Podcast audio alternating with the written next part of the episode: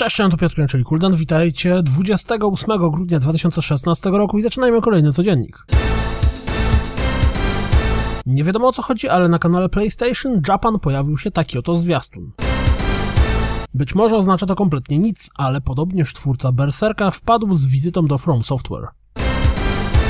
Nintendo zarejestrowało znak towarowy przedstawiający pad do SNESa i być może oznacza to, że kiedyś tam pojawi się SNES Mini.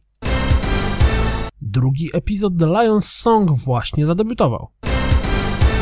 30 stycznia Double Dragon 4 pojawi się na Steamie i PlayStation 4.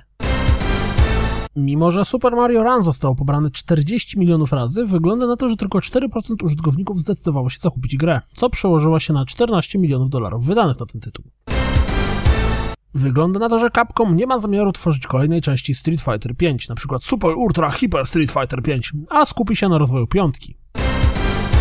Michael Evans z Capcomu powiedział, że Marvel vs. Capcom będzie miał interesujący story mode. Ciekaw jestem, jak to jest możliwe przy tak dużym miszmaszu postaci, światów itp. itd. No ale cóż, zobaczymy.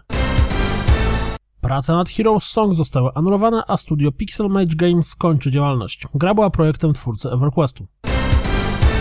Jeśli interesuje Was Valkyria Revolution, to sprawdźcie dwa nowe japońskie zwiastuny gry.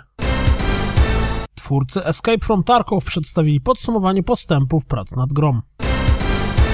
Zastanawiacie się, jak będzie wyglądał tryb eliminacji For Honor? No to sprawdźcie to wideo. Możecie sprawdzić również tryb Juggernaut z GTA Online. To wszystko na dziś, jak zawsze. Dziękuję za słuchanie, jak zawsze zapraszam na www.rozgrywkapodcast.pl Jeśli doceniacie moją pracę, wesprzyjcie mnie na Patronite. Mam nadzieję, że słyszymy się jutro. Trzymajcie się, cześć!